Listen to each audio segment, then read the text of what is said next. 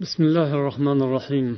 إن الحمد لله نحمده ونستعينه ونستغفره ونعوذ بالله من شرور أنفسنا ومن سيئات أعمالنا. من يهده الله فلا مضل له ومن يضلل فلا هادي له.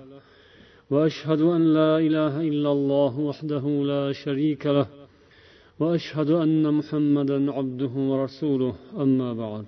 عزيز برادر الله hurmatli akalar ukalar opa singillar assalomu alaykum va rahmatullohi va barakatuh. Ma'lumlaringizki biz iymoni islom alomatlaridan biri bo'lgan va musulmonlar uchun eng muhim mavzulardan biri birodarlik mavzusida suhbat boshlaganmiz.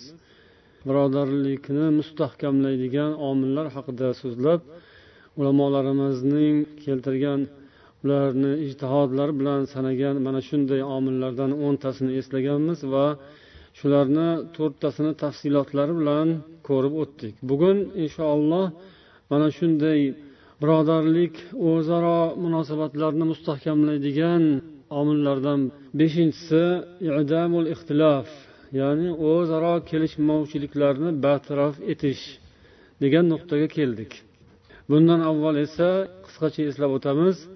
Birinchisi husnu zonni billah husnu va qabuli zohir ya'ni yaxshi gumon qilish va zohirni qabul qilish. Ikkinchisi al ig'do va adamil istiqso ya'ni kamchiliklardan ko'z yumish va ayblarni qidirishga chuqur kirib ketmaslik. Uchinchisi an nasihatu lil isloh isloh niyati bilan nasihat qilish. To'rtinchisi esa inhail jidal val miro halan. O'zaro talashib tortishuvlarni darhol bas qilish. Bu haqda biz suhbatlashib o'tdik. Endi beshinchisi idamul ixtilof. O'zaro kelishmovchiliklarni bartaraf qilish. Ko'pchilikka ma'lum bir kamchilikni yoki bir kasallikni bartaraf qilish uchun uni kelib chiqish sabablarini ildizini aniqlash kerak bo'ladi. Ya'ni kasallikka to'g'ri tashxis qo'yish keyin uni davolashga yordam beradi. Bu o'rinda ham ixtiloflarni bartaraf etishda ikkita narsaga e'tibor berish kerak bo'lar ekan. Birinchisi ma'rifatu asbabil xilof ya'ni ixtilof kelib chiqishining sabablari nima? Buni bilish kerak bo'ladi har bir inson chunki inson zoti borki bu dunyoda o'zaro munosabatlar bir biri bilan birga yashaydi va o'z o'zidan ixtilof ya'ni kelishmovchilik turli xil fikrlar bo'lishi tabiiy narsa. Shunday ekan biz ixtiloflar ichida yashaymiz turli xil fikrlar orasida yashaymiz. Endi buning sabablari nima? Ixtiloflar o'zi ikki xil bo'ladi ya'ni qabul qilinadigan ixtiloflar qabul qilib bo'lmaydigan rad etiladigan qoralanadigan ixtiloflar. Qabul qilib bo'ladigan ixtiloflar haqida emas bu gaplar hozir balki rad etiladigan ixtiloflar haqida bo'ladi gap. Ana shuning kelib chiqish sabablarini insonlar to'g'ri bilishlari kerak. Ikkinchisi adabil xilof. O'zaro kelishmovchilik sodir bo'lsa agar turli xil fikrlarga to'qnash kelib qolinadigan bo'lsa shunda qanday yo'l tutish kerak? Buning o'zini ham odobi bor. Ya'ni bahslashish munozara qilish tortishish odobi desa bo'ladi o'zbekchasida arabchada odobul xilof deyishadi. Ya'ni kelishmovchiliklar orasida inson o'zini qanday tutish kerak? Shuning odobi. Demak birinchi nuqta ya'ni ixtiloflarning sababi nima? Deganda ixtiloflarni ham bir necha sababi bo'ladi. Kelishmovchilik paydo bo'lish sabablaridan bir nechasini sanab o'tganlar bu muhammad husayn yaqub o'zlarining birodarlikka bag'ishlangan risolalarida shu ixtilof kelib chiqish sabablaridan biri kibr deydilar. Ya'ni insonlarda mavjud bo'lgan mutakabbirlik ixtilofga sabab bo'ladi. Ko'pincha aslida ixtilof qilmasa ham kelishmovchilik bo'lmaydigan holat bo'lishi mumkin ammo odamlardagi kasallik qalb kasalliklaridan biri kibr ixtilof kelib chiqishiga sabab bo'ladi. Abdulloh ibn masud roziyallohu anhudan rivoyat qilingan hadis ko'pchiliklaringiz eshitgansizlar. Rasululloh sollallohu alayhi vasallam aytdilar la yadkhulul jannata man kana fi qalbihi misqal zarratin min kibr. Qalbida zarra misqolicha kibri bor odam jannatga kirmaydi.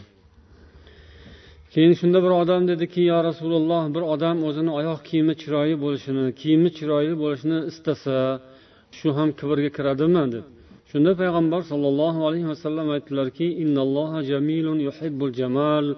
Olloh go'zal zot shuning uchun go'zallikni yoqtiradi dedilar. Al kibru batarul haqqi va nas. Kibr esa haqni inkor etish va odamlarni mensimaslikdir. Mana bu kibr bo'ladi. Ya'ni haqni qabul qilmaslik to'g'ri so'zni yoqtirmaslik va odamlarni mensimaslik o'zidan past sanash o'zini odamlardan yuqoriroqman deb bilish ya'ni bu qalbda bo'ladi bu narsa. Ichidan shunday deb o'ylaydi odam man afzalman odamlarni eng afzali manman deb o'ylaydi. Astag'firulloh. Bu demak kibrning boshi shu bo'ladi. Endi u yog'i davomi judayam ko'p endi uning ko'rinishlari kulfatlari oqibatlari nihoyatda ayanchli. Haqni qabul qilmaslik kibrni boshi bu ham. Ya'ni bir odam to'g'ri gapni gapirsa bilib turib qabul qilgisi kelmaydi. Og'ir botadi. Ya'ni nima uchun endi bu odam gapirishi kerak manga haqni? Man o'zim nima uchun bilmasligim kerak. Chunki o'zi haq yaxshi narsa hamma biladi. Va shu haqni har kim o'zi topib olishni xohlaydi. O'zi birinchi bo'lib topib olsa nafsga yoqadi. Hamma yaxshi narsani nafs birinchi o'zi topib olishni istaydi. Boshqadan ko'ra o'zi shu narsani egasi bo'lib turish ko'rinishni xohlaydi. Endi haqni boshqa odam gapirib turgan bo'lsa nafs og'riydi. Bu odam aytadi nima uchun endi bu manga emas bunga keldi birinchi. Man olishim kerak edi man bu narsani egasi bo'lishim kerak ediku. Endi hozir man bunga xo'p desam nasihatiga yoki maslahatiga yursam endi man past bo'lib qolaman deb o'ylaydi va shunday yo'l qidira boshlaydi uni rad etishga. Bu endi uning mutakabbirligidan bo'ladi. Bu borada judayam ko'p gapirish mumkin. Esingizda bor. Bu haqda biz suhbatlashib o'tganmiz ya'ni mutakabbirlik haqida alohida suhbatimiz bo'lgan. Hozir endi buni qisqaroq qilib o'tamiz. Bu yerda muallif bir misol keltirganlar. Ya'ni bir birodar o'zi gapirib bergan manga deb hikoya qiladilar. Masjidda o'tiruvdim qur'on o'qib o'tirgan edim. Chap qo'limda qur'on ushlab o'ng qo'limni yerga qo'yib tayanib o'tirib qur'on o'qiyotgandim shunda bir o'n besh yoshli yigitcha keldida kelib manga chiroyli muomala qilib kechirasiz o'zbekchasiga aytsak endi kechirasiz qur'onni chap qo'lingizda emas o'ng qo'lingizda ushlang deb aytdi. Haligi birodar deydi bu kishi hikoya qilib berayotgan odam qaradim. Haligimda qarasam bir yoshgina bola endi u. Nafsimda boshlandi ichimda bir g'alayon boshlandi. Ikki xil fikr turibdi ichimda deb aytadilar. Nima qilishim kerak hozir? Xo'p deyishim kerakmi? Bilib turibman to'g'ri gapiryapti. Lekin kim gapiryapti? Bir bola yosh bola gapiryapti. Nima qilay hozir? Bir narsa deb tashlaymi yo bo'lmasam indamasdan xo'p deb qabul qilishim kerakmi deb bir muncha muddat tek turib qoldim. Shunday holat bo'ldi dedilar. Lekin oxiri alhamdulillahkim yaxshilik g'olib bo'ldi. Noqulay holatda qoldim ozgina. Chap qo'limda qur'on ushlab turgan holimda ikkilanib turdim. Keyin auzu billahi minash shaytonir rojim dedim ichimda. Shaytondan asrashini so'radim va indamasdan chap qo'limdan o'ng qo'limga qur'onni olib oldim. Keyin jazakallohu xayron deb aytdim haliginga. Deyildilar. Endi hagi holat ko'ringiz. Buni har kim o'ziga olib taqqoslab ko'rishi mumkin. U qur'onni masalan bu yerdagilar har joyda har xilda odamlarni tarbiyasi va hokazo. Qur'onni chap qo'lda ushlab o'qiydigan odamni ko'rmaganmiz biz. Oramizda unaqa odam yo'q. Lekin undan boshqa ishlarni qiladiganlar topilishi mumkin. O'shanday kamchiliklar bo'lganda kimdir nasihat qildi. Nasihatni ham kimdir emas anig'i bir yosh bola nasihat qilsa bir kichkinaroq odam nasihat qilsa biz qanday holatga tushamiz? Uni qo'yaveringku kattalar nasihat qilganda o'zi shundan kelaylik kattalar nasihat qilganda qanaqa bo'lamiz o'zi? Endi kichkinalarni undan keyingi qo'yib qo'yish kerak. Xullas birov haq gapni gapirsa nasihat qilsa buni qabul qilish oson emas. Lekin shaytondan panoh so'rash kerak. Billahi minash shaytonir rojimni ko'p aytishimiz kerak lekin biz ko'p ko'p aytishimiz. Uyda ham ko'chada ham yurganda ham turganda ham shayton doim hamroh yopishib olgan hammamizga billahi minash shaytonir rojim endi buyog'i yana bir qiziq tomoni deydilar. Oradan besh minut o'tmadi qarasam yana chap qo'limda turibdi qur'on. Yana chap qo'limda ushlab qur'on o'qiyapman deyapti haligi odam. Keyin haligi bola yana kelib kechirasiz qur'onni o'ng qo'lingizga olib oling deb aytdi. Shundan keyin haligiga qarab yana rahmat dedimda o'ng qo'limga olib olib keyin aytdimki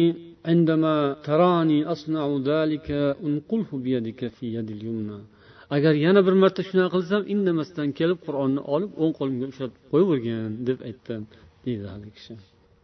Birodarlar mana shu kibrni agar o'zimizdan yo'qotib yuborsak ancha yengil tortamiz o'zimiz ham bilamiz. Buni boshdan o'tkazgan odam biladi. Bir kasal bo'lib tuzalgan odam biladi sog'liq qadrini. Och qolib keyin ovqat yegan odam biladi ovqatni qadrini. Shuning uchun bir kibrga kirib kibrni loyiga botqog'iga botib keyin tozalangan odam biladi kibrni nima ekanligini va kamtarlikni qanday baxt ekanini. Lekin u narsani boshdan o'tkazmagan odam o'zini nimadir deb o'ylab yuraveradi u. botqoqni ichida yurib bulutni ustida yuribman deb o'ylayveradi. Lekin chiqsa keyin biladi toza havo bu yoqda ekanligini. Inson shunaqangi notoza havoga o'rganib qolmasinda. Shunday notoza havoga o'rganib qolsa toza havo yoqmaydigan ham bo'lib qoladi ba'zida.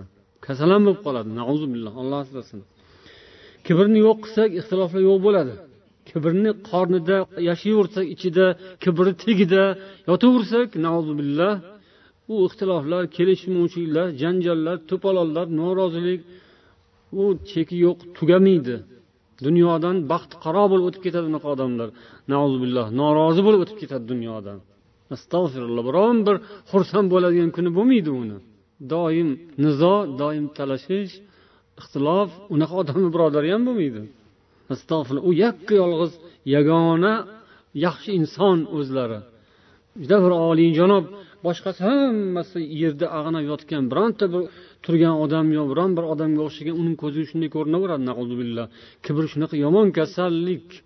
Bundan qutulgan odam baxtli odam. Alloh hammamizni ana shu kibrdan qutulish baxtiga nasib etsin. Kamtarlik baxtini alloh hammamizga muyassar aylasin. Endi odamlarni mensimaslik ularni kamsitish bu ham o'z o'zidan kelib chiqadigan narsadan oxiri nimaga kelib chiqadi? Sizni birov kamsitsa nima qilasiz? Xuddi o'shanday edi odam o'zi bilmaydi ba'zi bir inson ba'zi bir musulmonlar bo'ladi bemalol birovni masxara qilaveradi. Bemalol odamlarni kamsitib hech bir o'zi undan ta'sirlanmaydi.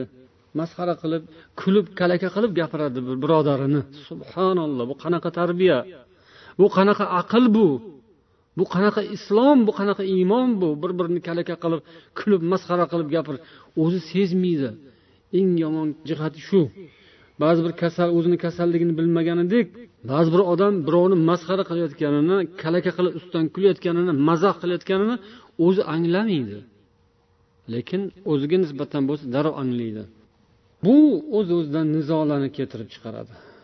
Odamni tabiatiga xilof yot narsani inson boshqalarga qilmaslik kerak. O'zi unga ko'nmaydigan o'zi ham rozi bo'lmaydigan narsani. Shuning uchun ham payg'ambar sollallohu alayhi vasallam dedilar. Olloh menga vahiy qildiki hammangiz bir biringizga kamtar bo'lingiz tavozuli bo'lingiz deb olloh buyurdi. Hamma musulmonlar o'zaro bir birlarini barobar ko'rishlari kerak boshqalardan o'zlarini past tutishlari kerak. Bu tavozu shu o'zini pastroq olish. Bu ancha qiyin narsa. Musulmonlar bir birlariga kamtar xokisor bo'lishlari kerak. Boshqalar bor kattalik qilishga loyiq kattalik qilib o'zini bardam tutib turishi kerak bo'lganlar ham yo'q emas bu dunyoda. Balkim ko'proq ular. Lekin u paytda kimlardir suvga tushgan mushukdek bo'lib oladi. Boshqa paytda o'zini kuchini ko'rsatadi o'zini gerdaygan ko'kraklarini kerib bilaklarini ko'rsatib o'zini shunday ya'ni ma'naviy jihatdan aytyapman. O'zini shunday boshqalardan man afzalman aloman degan narsaga o'tib ketib qolishi yaxshi ish emas. Alloh o'zi isloh qilsin hammamizni gunohlarimizni kechirsin alloh. Mo'min musulmonlar bir birlariga kamtar bo'lishlari kerak. U bilan ular darajalari tushib ketmaydi pasayib qolmaydi. Odamlar qo'rqadida pasayib qolaman deb. Pasaymaydi. Faqatgina darajasi ko'tariladi. Endi shunday ixtiloflar kelib chiqishi sabablaridan biri ixtilof nazar qarashlar fikrlarning har xilligi har xil fikrlar bo'ladi. Bu tabiiy narsa va bu ham ba'zan nizolarga olib keladi. Lekin bu narsa aslida ya'ni har xil fikr har xil qarashda bo'lish ayb emas. Tabiiy narsa olloh shunday yaratgan hammaga alohida aql bergan alohida kalla bergan bosh bergan alohidadan qalb bergan bunda alohida dunyo bu. Har bir qalbda har bir miyada ajoyib ajoyib fikrlar chiqadi bu. Sizga kelmagan fikr birodaringizdan chiqishi mumkin. Bu narsani anglash kerak bu narsani to'g'ri tushunish kerak. Har xil fikrlar bo'lishini tabiiy holat deb bilish kerak va boshqacha fikr bildirganga g'azab qilish kerak emas. Boshqacha fikr bildirganga achchiq qilib uni rad etish kerak emas. Uni ham eshitish kerak. Amalga oshirilmasa ham qabul qilinmasa ham eshitib keyin uning agar xatosi bo'lsa tushuntirish kerak.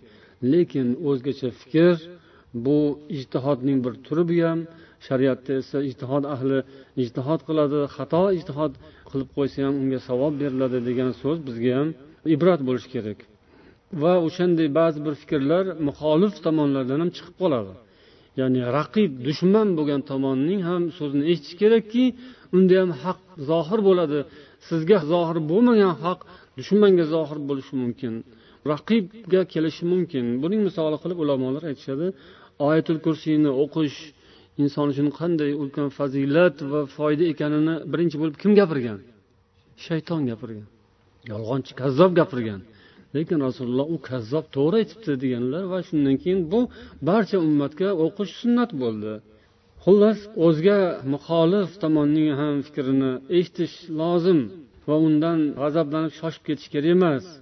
Bir qarashda xato gunohga o'xshab tuyulgan ba'zi bir so'zlar fikrlar aslida to'g'ri haq bo'lib chiqadi va inson o'ylab keyin o'sha tomonga o'tadi ba'zida. Endi o'zaro musulmonlar o'rtasida ko'p har xil turli fikrlarni borligi mana mazhablarda ko'rinadi fiqhiy mazhablar va ulamolarning ijtihodlarida bir birlariga xilof keladigan ijtihodlarni qilishadi ulamolar lekin bir birlari bilan o'chakishmaydi ya'ni o'sha taqvo sohiblari ilm robboniy sohiblari har xil fikr har xil ijtihod fatvo sohibi bo'lish bilan birga bir birlarini shunday hurmat qilishadi va yaxshi ko'rishadi. O'zaro ular do'stliklari davom etaveradi. Buning misoli eng avvalo o'sha payg'ambar sollallohu alayhi vasallam zamonlarida sahobalarga banu qurayza qabilasiga yetmaguningizcha asr namozni o'qimang deb aytgan bir mashhur hodisa bunga asos bo'ladi.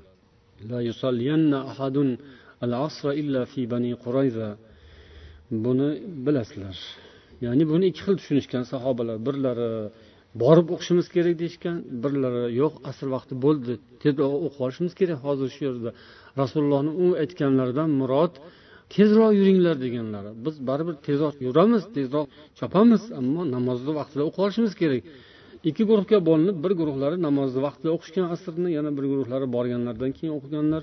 Rasululloh sollallohu alayhi vasallam bularning hech qaysilariga ham raddiya bermaganlar balkim har ikkovlarini ham qilgan ishlarini qabul qilganlar. Yana buni orasida islom deb keltiradilar ya'ni islomga bir tomonlama qarash.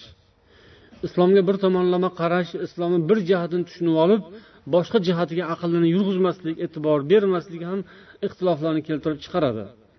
Inson o'zini nazarida bir masala biroz chiyal bo'lib turgan bo'lsa o'shani mahkam ushlaydi o'shani hal qilishga harakat qiladi balkim hal qiladi ham javobini biladi ham va o'shani keyin mahkam ushlab dastak qilib bayroq qilib yuradi. Hamma joyga o'sha bayroqni ko'tarib boradi. O'zi bitta ikkita masalani bilib oladida o'sha narsani hamma joyda o'rtaga tashlab kavlab muhokamaga olib kelib boshqa qilib o'shani islomdek qilib oladi endi. U islomning bir masalasi u. Go'yoki hamma mana shu masalada mana shunaqa bo'lishi kerak. Unday emas islom judayam keng. Juda ham chuqur ulkan bir binoga o'xshatsa bo'ladiki uning misoli yo'q bu dunyoda. Shunday bir ulkan qasr. Keyin islom uning hamma jihatlarini hamma xonalarini kirib o'rganishga imkon yo'q bo'lgan bir ulkan qasrni tasavvur qiling uni qachon o'rganib chiqib bo'ladi? Ulkan bir qasr deydilar muallif. Bir inson shunday bir tomondan ko'rib bitta binosini ko'rib darhol xulosa qilib hammasi shunday deyishga shoshilmaslik kerak. Islomga bir tomonlama bir jihatdan nazar solish to'g'ri kelmaydi. Balkim ohistalik bilan bo'lishi kerak va islom bilimlarini hammasini birdaniga egallash mumkin emas. Islom bilimlarining hammasini bir inson egallashi ham mumkin emas. U inson o'tib ketdilar. Payg'ambar sollallohu alayhi vasallam bo'ldi. U kishidan boshqa hech kimga olloh islom bilimlarining hammasini bermaydi endi. Unda u payg'ambarga tenglashib qoladi. Payg'ambarning bilimlarini ilmlarini olloh butun ummatga sochib yuborgan hammaga kimga qancha tushadi olloh biladi endi. O'ziga tushganni mana shu deyish kerak emas. Boshqani ham idishiga qarash kerak boshqani ham nasibasiga qarab uni ham so'ziga quloq solish kerak. Inson yaxshi bilmasdan turib shoshib ketish kerak emas. Agar inson bir masalani yaxshi bilmasdan gapiraveradigan bo'lsa o'sha bir tomonlama fikrlaydigan tor fikrli odam bo'lib qoladi. Imom shofiiy aytgan ekanlar kullu yawmin azdadu fihi ilman yazharu lihi fihi mada jahli har kuni bir ilmga ega bo'laman.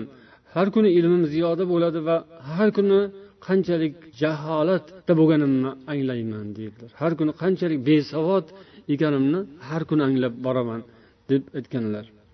Yana salaflardan birlari aytgan ekanlar al ilmu salasatu ashbar. Ilm uch qarich biz endi buni uch qatlam deb aytsak bo'ladi. Ilm uch qatlamdan iborat bo'ladi. Kimki birinchi qatlamni olganda takabburga aylanadi. Subhanalloh. Ilm o'zi uch qatlamdan iborat. Kim birinchi qatlamini egallasa takabbur bo'ladi. Kim ikkinchi qatlamini egallasa kamtar bo'ladi hokisor kishiga aylanadi. Kimki uchinchi qatlamini ham egallasa johil ekanini e'tirof etadi. Besavod johil hech narsadan xabari yo'q odam ekanini anglab yetadi. Ey birodar birinchi qatlam egasi bo'lib qolishdan ehtiyot bo'l. Biz nechinchi qatlam egasi ekanmiz? Subhanalloh. Bu ilm ulkan okean bu dunyo okeanlaridan ham ko'ra allohning ilmi payg'ambar ilmlari. Endi biz tasavvur qilaylik. Payg'ambar ilmlari uni har qancha o'qisangiz tugamaydi uning bir qatlami qancha bo'ladi? Dunyo okeanini uchdan birini qancha bo'lishi tasavvur qilib ko'raylik subhanalloh. Endi astag'fir alloh o'zi yordam bersin bizga hammamizga. Ham bu kishi aytyaptilar birinchi qatlam egasi bo'lib qolmagin tag'in.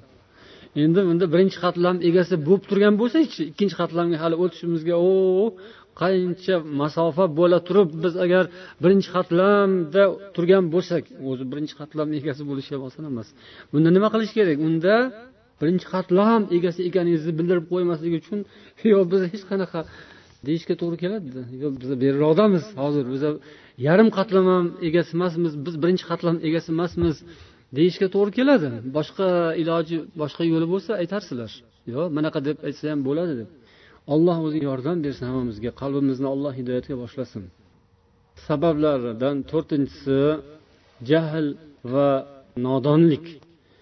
Ya'ni umuman dindan bexabarlik johillik. Haligisi olimlarga tegadigan ilm ahliga yoki talabalarga taalluqli. Bunisi endi johillarga ya'ni ilmsiz besavodlarga bilmaymiz endi kim qaysinisiga o'zini bilsa o'z joyini topib oladi endi har kim man mana bu guruhdanman bu guruhdan xohlagan odam o'zini talabalar guruhiga kiritar ahli ilm yoki talaba. Xohlasa boshqa. Endi bu yerda hozir so'z hech narsa bilmaydigan johillarga taalluqli deydilar.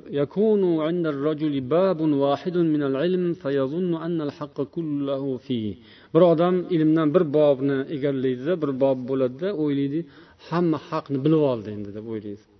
Odam keyin gapirishga boshlaydi. Shuning uchun ham bu rivoyatni imom molik ashoblaridan sahnun rahimaullohdan eshitilgan so'z ekan.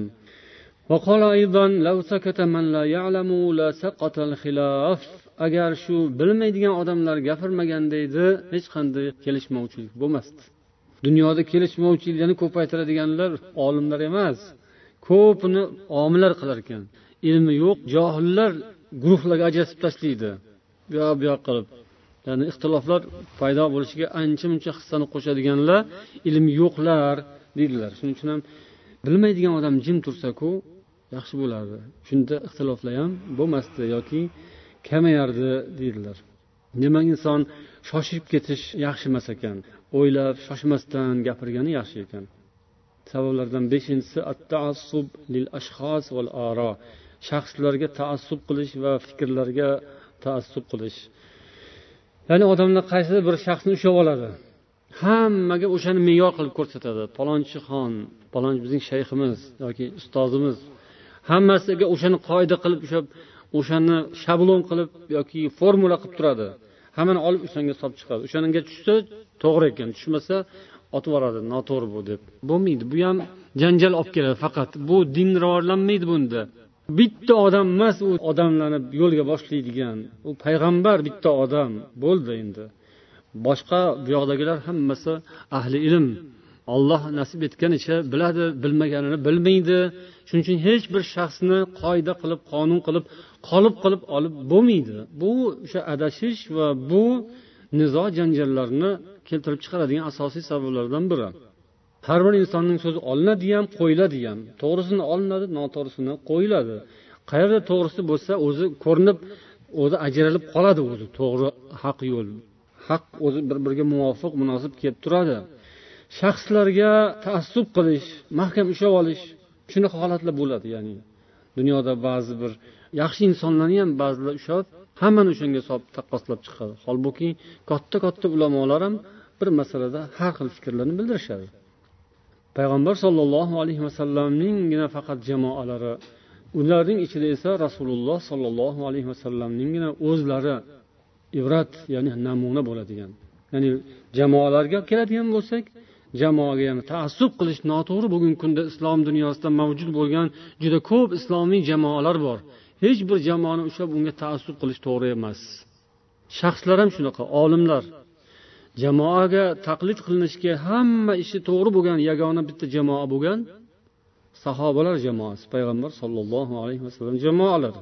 Hamma ishlar to'g'ri bo'lgan bitta zot bo'lgan rasululloh sollallohu alayhi vasallam. Endi ulardan buyog'idagisi musulmonlar jamoalarini qilayotgan ishlarida to'g'risi bor xatosi bor. Har bir inson to'g'ri o'zi mansub bo'lgan jamoani qadriga yetish kerak hurmat qilish kerak lekin uning xatosi bo'lsa xayr xatosini isloh qilish kerak. Oilaga o'xshaganda bir mahallada bir yigirmata o'ttizta oila yashaydi. Har bir oila o'zini hurmatini saqlaydi o'zinikini gapi ichida to'g'ri deb biladi xatosini ham ichida to'g'rilaydi. Lekin oilasidan voz kechib man falon oilaga kirib olaman demaydiku har bir oila o'zini joyida o'rnida turadi va har bir oilani o'zini ijobiy tomoni bo'ladi salbiy tomoni bo'ladi. Shunga o'xshaydi. Jamoalar ham ijobiy jihatlari bo'ladi salbiy jihatlari bo'ladi. Unga taassub qilinmaydi. Ya'ni taassub degani o'zining oilasini hech kim qo'shnini oilasidan afzal deb bilish kerak emas. Bizni oilamiz andoq qilodir bundoq qilodir biz palonchilarning avlodidandirmiz palon piston. Unaqa gap ketmaydi. Hamma odam alayhissalomning avlodidan. Musulmonmi? Hamma barobar. Kim taqvosi kuchli bo'lsa o'sha afzal. Lekin taqvosi kuchli odam ham bizning taqvoyimiz kuchlidir demaydi. Uning taqvosi pastda yerda bo'lib qoladi o'shanda. Hech qaysi oila qo'shni oiladan o'zini ustun qilishi mumkin emas. O'zini hurmat qilib alhamdulillah deb qo'shnisini ham hurmat qilib yashashi kerak bo'ladi. Taassub yomon. Ya'ni o'ziga bino qo'yish bu. Demak jamoalar yoki shaxslarga taassub qilish bu ixtiloflarni nizolarni keltirib chiqaradi. Endi bular ixtilof kelib chiqishiga sabab bo'ladigan narsalardan ba'zi birlar bu o'zi juda ham chuqur mavzu. Har bir aytilayotgan so'zlarning alohida mavzu qilsa bo'ladigan. Lekin biz iloji boricha qisqaroq qilib o'tishga harakat qilamiz. Birodarlikka xizmat qiladigan tarzda qisqa qisqa qilib aytishga harakat qilyapmiz. Ikkinchi nuqtamiz ya'ni ixtiloflarni bartaraf etishda bilishimiz kerak bo'lgan ikkinchi nuqta bu istimalu adabil xilof ya'ni ixtilofli holatga tushib qolganda qanday tutish kerak inson o'zini? Odobil xilof kelishmovchiliklarda o'zini tutish odobi. Iyakum val xilof deydilar mualliflar. Iloji boricha ixtilofdan saqlaninglar kelishmovchiliklardan saqlaninglar. Yuqoriroqda ham bir ibora o'tuvdi ya'ni agar ixtilofni kelishmovchilikni bir surati bo'lganda edi ya'ni surati yo'q o'zi ixtilofni. Bu ma'naviy narsa zehnda bo'ladigan narsa. Bu hissiy narsa emas moddiy narsa emas. Agar shuni moddiy narsaga aylantirilsa farazan agar ixtilofga bir surat berilsa tashkil qilinsa deydilar qalblar yorilib ketgan bo'lardi. Uning dahshat xunuligidan va tog'lar parchalanib ketgan bo'lardi deb bir olim kishi shunday ta'rif bergan ekan. Shuning uchun ixtilofdan kelishmovchilikdan iloji boricha uzoq bo'lish kerak. Chunki ixtilof insonlarni parchalab tashlaydi. Dinni parchalab tashlaydi jamoalarni parchalab tashlaydi musulmonlikni ham parchalab yuboradigan narsa ixtilof bo'ladi kelishmovchilik. Shuning uchun ham dushmanlar orada nizo tashlaydi bir biri bilan kelishmaydigan qilib qo'yishdan boshlaydi ishni. Ixtilofdan iloji boricha saqlanish kerak.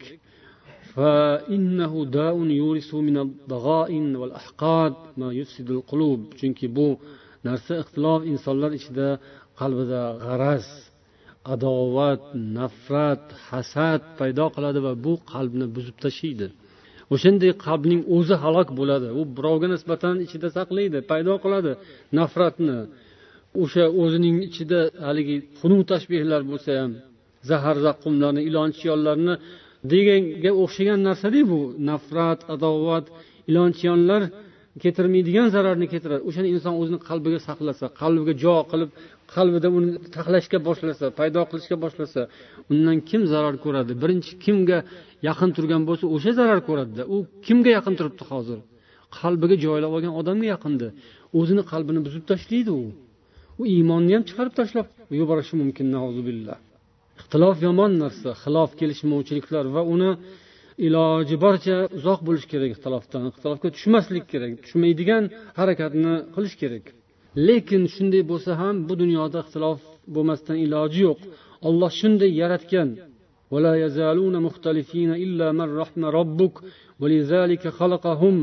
Ular hanuz ixtilof qilmoqdalar. Ixtilof qilishda davom etadilar. Illo robbingiz rahm qilganlar bundan mustasno. Olloh shuning uchun yaratgan. Ya'ni shu ixtilof uchun yaratgan. Ixtilof bu rang baranglik o'zi ixtilof bo'lmasa ham rivojlanish bo'lmaydi. Bahs munozara tortishuvlarni ichidan hayot ham shunda qiziydi. Shunda bir dunyo yashaydi va hokazo. Dunyoning rivojlanishi taraqqiy topishi uchun ham shunaqa ixtilof kerak. Olloh shunday qilib yaratgan. Lekin bu bir biri bilan dushman bo'lishga olib keladigan ixtiloflar qoralanadi. U e'tiqod iymon borasidagi ixtilof u boshqa. Bu yerda hozir musulmonlar mo'minlar orasidagi ixtiloflar haqida gapiryapmiz. Mo'min musulmonlarni o'rtasida kelishmovchilik nizoga sabab bo'ladigan ixtiloflarga borish harom va o'shani ehtiyotini qilish kerak shuning oldini olish kerak.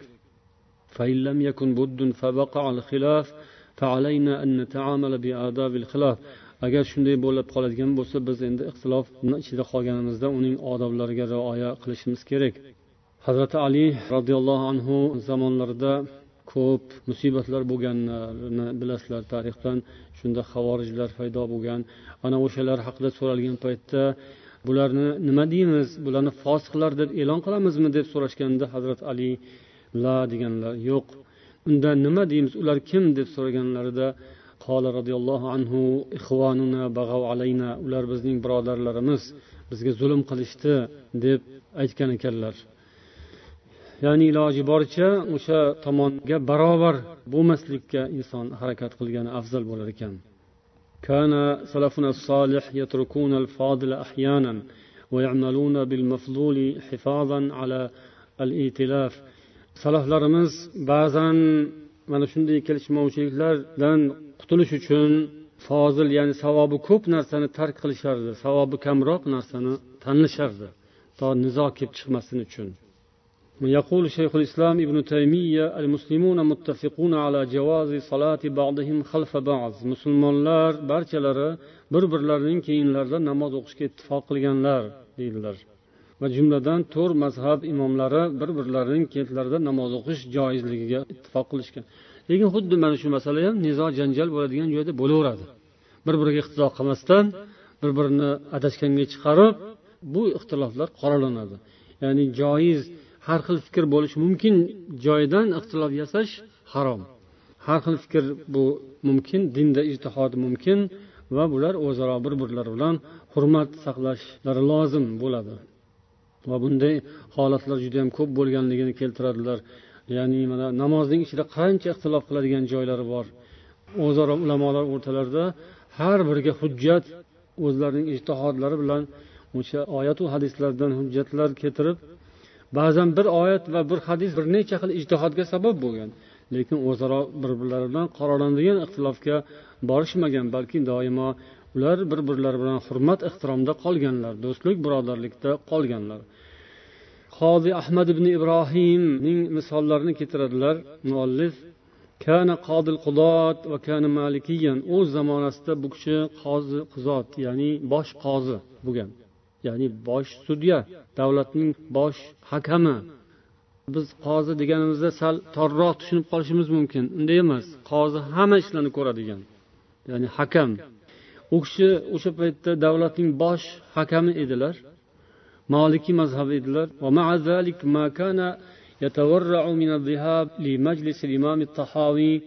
Shu bilan bir qatorda u kishi imom tahoviyning ilm majlislariga borishdan o'zlarini chetga olmasdilar ya'ni bundan kibr qilmasdilar.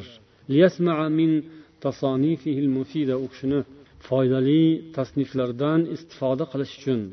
Bir kuni qoziy ahmad ibn ibrohim imom tahoviyning ilm majlislarida kelib ishtirok etayotgandilar. Shunda bir odam kelib imom tahoviydan bir masala haqida so'radi. Shunda imom tahoviy aytdilarki قال الإمام الطحاوي مذهب القاضي أيده الله كذا وكذا siz so'rayotgan masalada qoziy janoblarining olloh u kishini salomat qilsin u kishini javoblari mana bunday deb javob berdi man qoziydan so'rash uchun kelmadim man sizdan so'rash uchun keldim deb yana qaytarib so'radi imom tahoviydan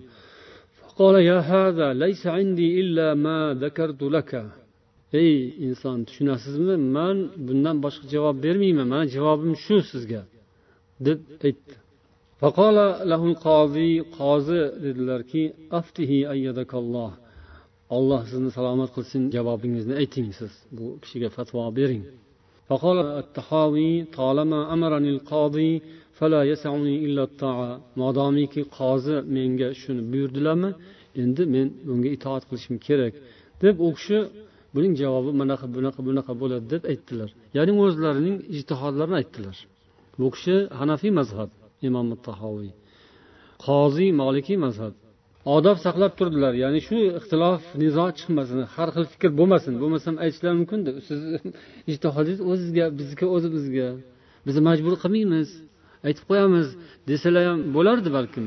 Lekin bu kishi bundan ko'ra bu yo'lni tanladilarki bu yaxshiroq. Javob biri to'g'riroq biri bundayroq bo'lishi mumkindir. Biri rojih biri marjuh bo'lishi mumkin. Biri afzal biri pastroqda bo'lishi mumkin. Lekin fozillar yaxshi odamlar ba'zan o'sha to'g'rirog'ini ham qoldirib sal savobi quyiroq bo'lganini ham tanlashgan. Endi bu ixtiloflarni bartaraf qilish haqidagi nuqta edi. Oltinchisi babu naql va raddu qolati suv.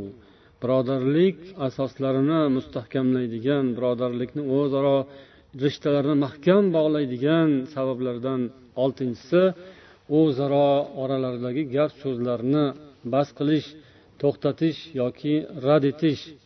Gap tashishlar o'zaro bir birlari haqida gapirishlarni yo'lini to'sish. Bu ham birodarlik haqlaridan va o'zaro munosabatlarni mustahkamlaydigan yaxshi ishlardan. Chunki bu insonning tili gapirish uchun yaralgan. Til hamma narsani gapiraveradi. Yaxshini ham shu til gapiradi yomonni ham shu til gapiradi va nafs bundan rohatlanadi. Shuning uchun insonlar gapirib yashaydi bu dunyoda. Gapirmay iloji yo'q va bu gaplarning ko'pi xato bo'ladi gunoh bo'ladi.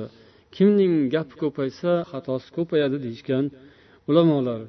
Shu gaplarni ichida bir birining ko'nglini og'ritadigan bir birining obro'sini to'kadigan gaplar chiqib ketadi odamlarni og'zidan.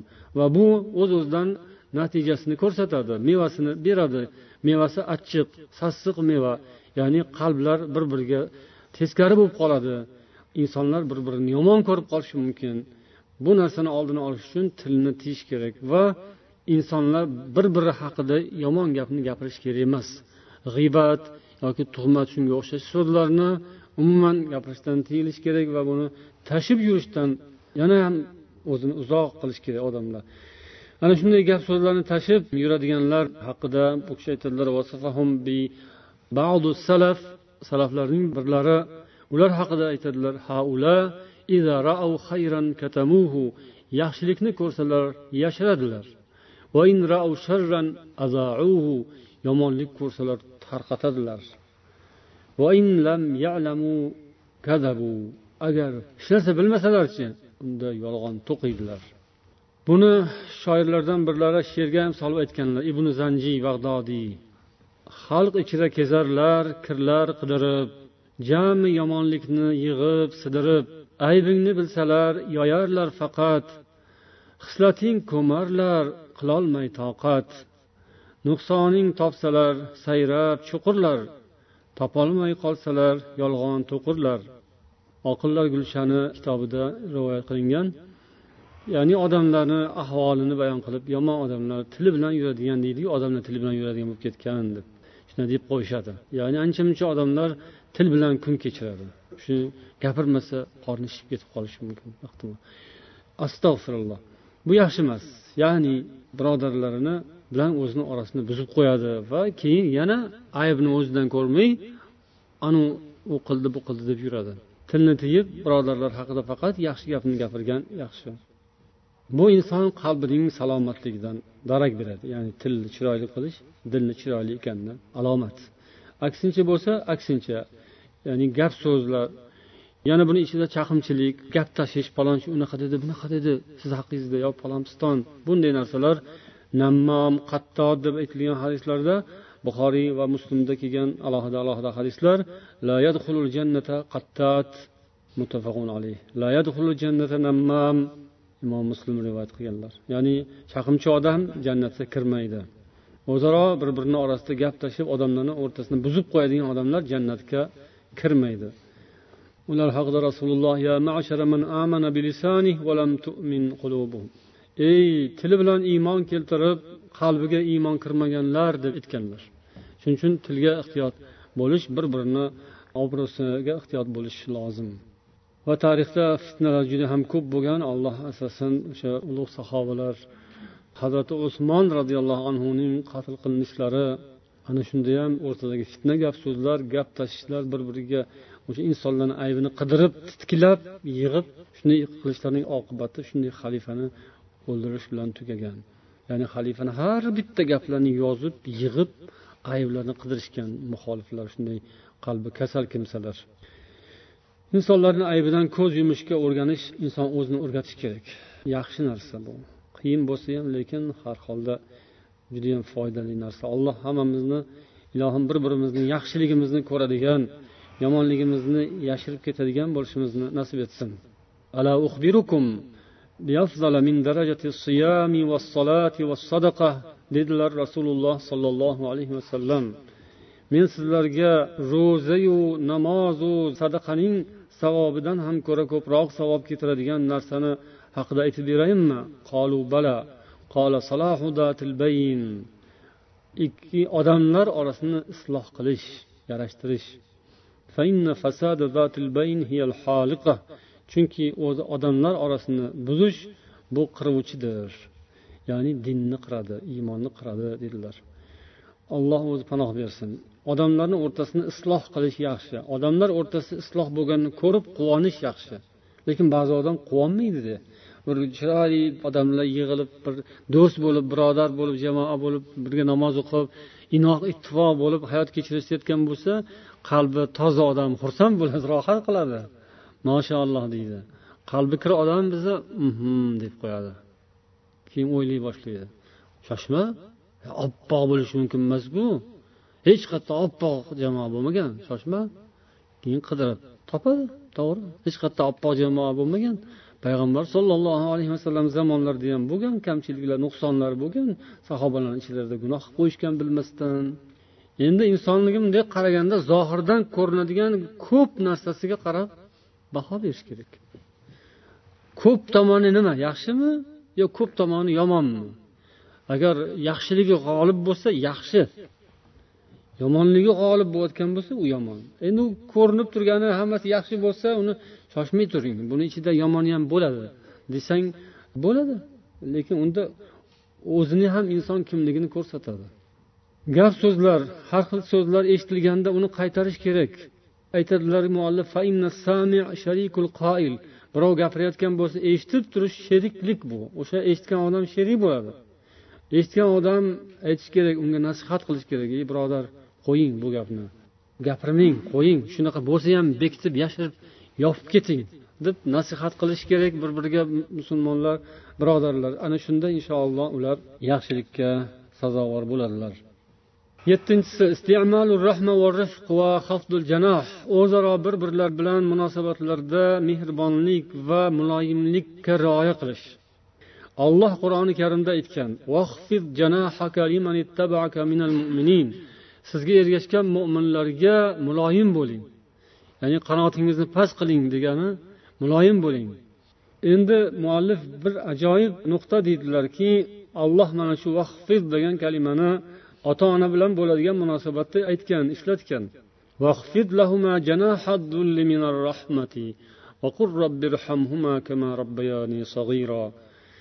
U ikkovlarga ya'ni ota onaga mehribonlik bilan xorlik qanotingizni yoying va ular haqida duo qiling. Ey robbim bular meni go'daklik chog'imda qanday mehribonlik bilan parvarish qilishgan bo'lsa sen ham ularga shunday mehribonlik ko'rsatgin deb duo qiling. degan. Mana shu oyatda vahfiz ya'ni qanotingizni poyandoz qiling yoying degan iborani alloh ota onaga nisbatan qo'lladi va mo'minlarga nisbatan qo'lladi. Demak ota onaga inson qanday mehribon bo'lsa boshqalarga ham shunday mehribon bo'la oladi ota onasiga mehribon bo'lolmagan odam boshqalarga ham mehribon bo'lolmaydi qalbdan mehribon bo'lish qalbdan achinish qalbdan rahmdil bo'lish insonning uyidan boshlanadi. Ota onasiga keyin u qarindoshlariga boshqalarga do'st yor birodarlarda u narsa ko'rinib turadigan oynasi. Uydagisini ota onasi bilan bo'ladiganini odamlar ko'rmaydi lekin uni ko'rsatadigani qayer tashqarida ko'chada o'zaro jamoat birodarlar bir biri bilan bo'lgan munosabatlarda o'sha odamning uyda bo'lgan tarbiyasi ko'rinadi. U insonning qalbi ko'rinadi. Endi ba'zida og'zaki ham shundaycha muomalani qotirib qo'yadiganlar bo'ladiyu o'rnatib qo'yadi deydi qotirib qo'yadi muomalani. Lekin u ba'zida og'izda bo'ladida faqat qalbda bo'lmaydi o'sha narsa qalbda bo'lishi ko'pgina amallarda ko'rinadi va o'zaro birodarlar orasida aks etadi. Birodarlik mo'minlik bu oyna bu. Insonning tarbiyasining oynasi. Yaxshi tarbiya olgan odam o'zaro bir biriga mehribon bir biriga kamtar bo'ladi shafqatli bo'ladi rahmdil bo'ladi. O'zaro bir birlarini yaxshi ko'radilar. Chunki deydilar bu qalb imom alidan rivoyat al qulubu vahshiyatun faman taallafaha aqbalat alayhi. Qalblar bu vahshiy hayvonga o'xshaydi. Vahshiy hayvon odamni ko'rsa qochadi ya'ni vahshiy. Yovvoyi desak to'g'riroq bo'ladi. Vahshiy desa sal kuchayib ketar ekan. Yovvoyi hayvonga o'xshaydi umuman qalb. Shunaqa bir jihati bor qochadi. Unga yaxshi muomala qilsang ulfat qilsang keladi. Odam qalbi shunday nozik bo'ladi ya'ni desak bo'ladi. Bir biridan uzoqlashib ketadi uni ulfat qilish uchun inoq qilish uchun unga muloyimlik kerak bo'ladi. Yengil yengil muloyim muloyim muomala qilganingizda qalblar sal taskin topadi eriydi sal bo'shashadi. Keyin o'sha bo'shashgan paytda bir biriga do'st bo'ladi ulfat bo'ladi. Al mo'minu alifun ma'lufun ham deganlar payg'ambar sollallohu alayhi vasallam mo'min odam ulfat bo'ladigan inoq bo'ladigan bo'ladi.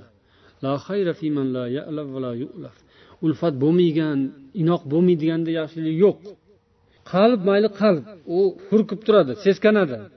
Lekin uni sekin muloyimlik bilan muomala qilsangiz keladi. Mo'minniki bo'lsa yana ham tezroq keladi. Chunki mo'min alifun ma'lufun ulfat bo'ladi mo'min inoq bo'ladi mo'min tushunadi u. Yaxshi gapni tushunadi. Yaxshilikni taniydi. Qayerda yaxshilik bo'lsa biladi va o'sha yerga ulfat bo'ladi inoq bo'ladi. La xayra man la ya'laf va la yu'laf. Ulfat bo'lmaydigan inoq bo'lmaydiganda yaxshilik yo'q. U yaxshi narsani bilmasa tanimasa yaxshiga yondoshmasa yaxshi bilan til topisha olmasa u hech kim bilan til topisha olmaydi. U hech qayerda ulfat bo'lmaydi. Hech kimga inoq bo'lmaydi u. Qayerga borsa o'sha yerda yovvoyi bo'laveradi. Billah demak mo'minlik bu inoqlik. Mo'minlik bu muloyimlik yaxshilik bilan insonlar bir birlari bilan til topishadi va ko'p yaxshi ishlarni inshaalloh ular amalga oshirishadi. Alloh qalbimizni yumshoq qilsin. Hazrati umar roziyallohu anhu xalifa bo'lganlarida aytgan ekanlarki allohga duo qilib tunlari turib ibodat qilar ekanlar. Tahajjud o'qib allohimma inni hadidun falayyinni lil muslimin. Ey ollohim man qattiqman qo'polman deb qo'yamizku man qo'polman qattiqman. Mani mo'minlarga yumshoq qilib qo'ygin derkanlar. Qarang haqiqatdan o'sha kishi qattiqqo'l zabardast odam bo'lganlar. Islomga shunaqasi ham kerak edi o'sha bilan qancha musulmonlarga foyda bo'lgan rasulullohni duolari. Ey olloh ikkita umardan bittasini musulmon qilib bergin deb ollohdan so'raganlar u kishini shu jasoratlari qattiqqo'lliklari katta foyda keltirgan haqiqatdan. Musulmonlar qo'rqib turishgandi u kishidan. Lekin shu inson musulmonlar ishining jilovi kelganda musulmonlar ommani ishini jamoat ishini ustiga kelgan paytlarida jamoatga kirgan paytlarida musulmonlarni ichiga kirgan paytlarida endi u paytda o'shanga munosib bo'lish kerak yumshoq muloyim bo'lish kerak muloyimlik bilan ko'pchilikni ichida yashash kerak. Shuning uchun duo qildilar ey allohim mani muloyim qil. Haqiqatdan olloh muloyim qilib qo'ydi bu kishini. Mo'minlarga muloyim edilar. Shunday yordamga muhtojlarni ko'rsalar yig'lardilar. Ko'zlaridan yoshlar to'kib soqollari ho'l bo'lib ketardi. O'zlari yelkalariga yuk ko'tarib musulmonlarni xizmatida yurardilar. O'shalarni gapiga ko'nardilar. Shularni muomalasiga musulmonlarni ham hammasi yumshoq bo'lavermaydiku uni ichida qattiq uchrab qoladi boshqasi bo'ladi lekin har bir inson o'ziga qarash kerak albatta. Inson shunday ko'pchilik bilan musulmonlar bilan birga bo'lar ekan qalbini yumshoq qilish muloyimlikni ollohdan so'rashi kerak bo'lar ekan. Ibn taymiya rahimaulloh aytadilar al amru bil ma'ruf va nahy anil munkar. Bu insonlar bir biriga yaxshilikka chaqirishlari yomonlikdan qaytarishlarida uchta xislatga muhtoj bo'ladilar. Al fiqh va rifq val hilm ya'ni to'g'ri tushunish kerak dinni bilish kerak. Ikkinchisi muloyim bo'lish kerak. Keyin halimlik. Bu narsalar dinni atrofga yetkazadigan va odamlar qalbiga yo'l ochadigan yaxshi xislatlar. Olloh o'zi yengillik xohlagan bizga o'sha yengillikni bizni yo'qotib qo'ymasligimiz kerak. Qur'oni karimda olloh sizlarga yengillikni xohlaydi sizlarga og'irlikni xohlamaydi. Mana shu qo'pollik og'irlikka olib keladi. Qattiqlik dinni qattiqlashtirib yuboradi odamlarga qiyinlashtirib yuboradi. Va dinni yo'llarini to'sib qo'yadi. Alloh taolo muloyim zot muloyimlikni yoqtiradi. Va qiyin qattiq narsalarga bermaydigan mukofotlarni yoki natijalarni yengillikka beradi. Ya'ni yengillik bilan muloyimlik bilan ko'p narsaga erishib bo'ladi. Lekin qattiqlik bilan qo'pollik bilan ko'p narsaga erishib bo'lmaydi. O'zaro birodarlarni orasidagi ham muloyimlik yaxshi natijalarni beradi. Qo'pollik bo'ladigan bo'lsa birodarlikka dars ketib qoladi. Alloh barchamizni muloyim bo'lishimizni nasib etsin. O'zaro ayniqsa birodarlar bir birlariga g'animat bu ulug' ne'mat shunday ne'matni olloh siz bilan bizga bergan ekan buni qadriga yetaylik buni avaylab saqlaylik ilohim birodarligimiz ziyoda bo'lsin iymonimiz ziyoda bo'lsin hammamiz ilohim birgalashib jannatga kiraylik سبحانك اللهم وبحمدك أشهد أن لا إله إلا أنت أستغفرك وأتوب إليك والسلام عليكم ورحمة الله وبركاته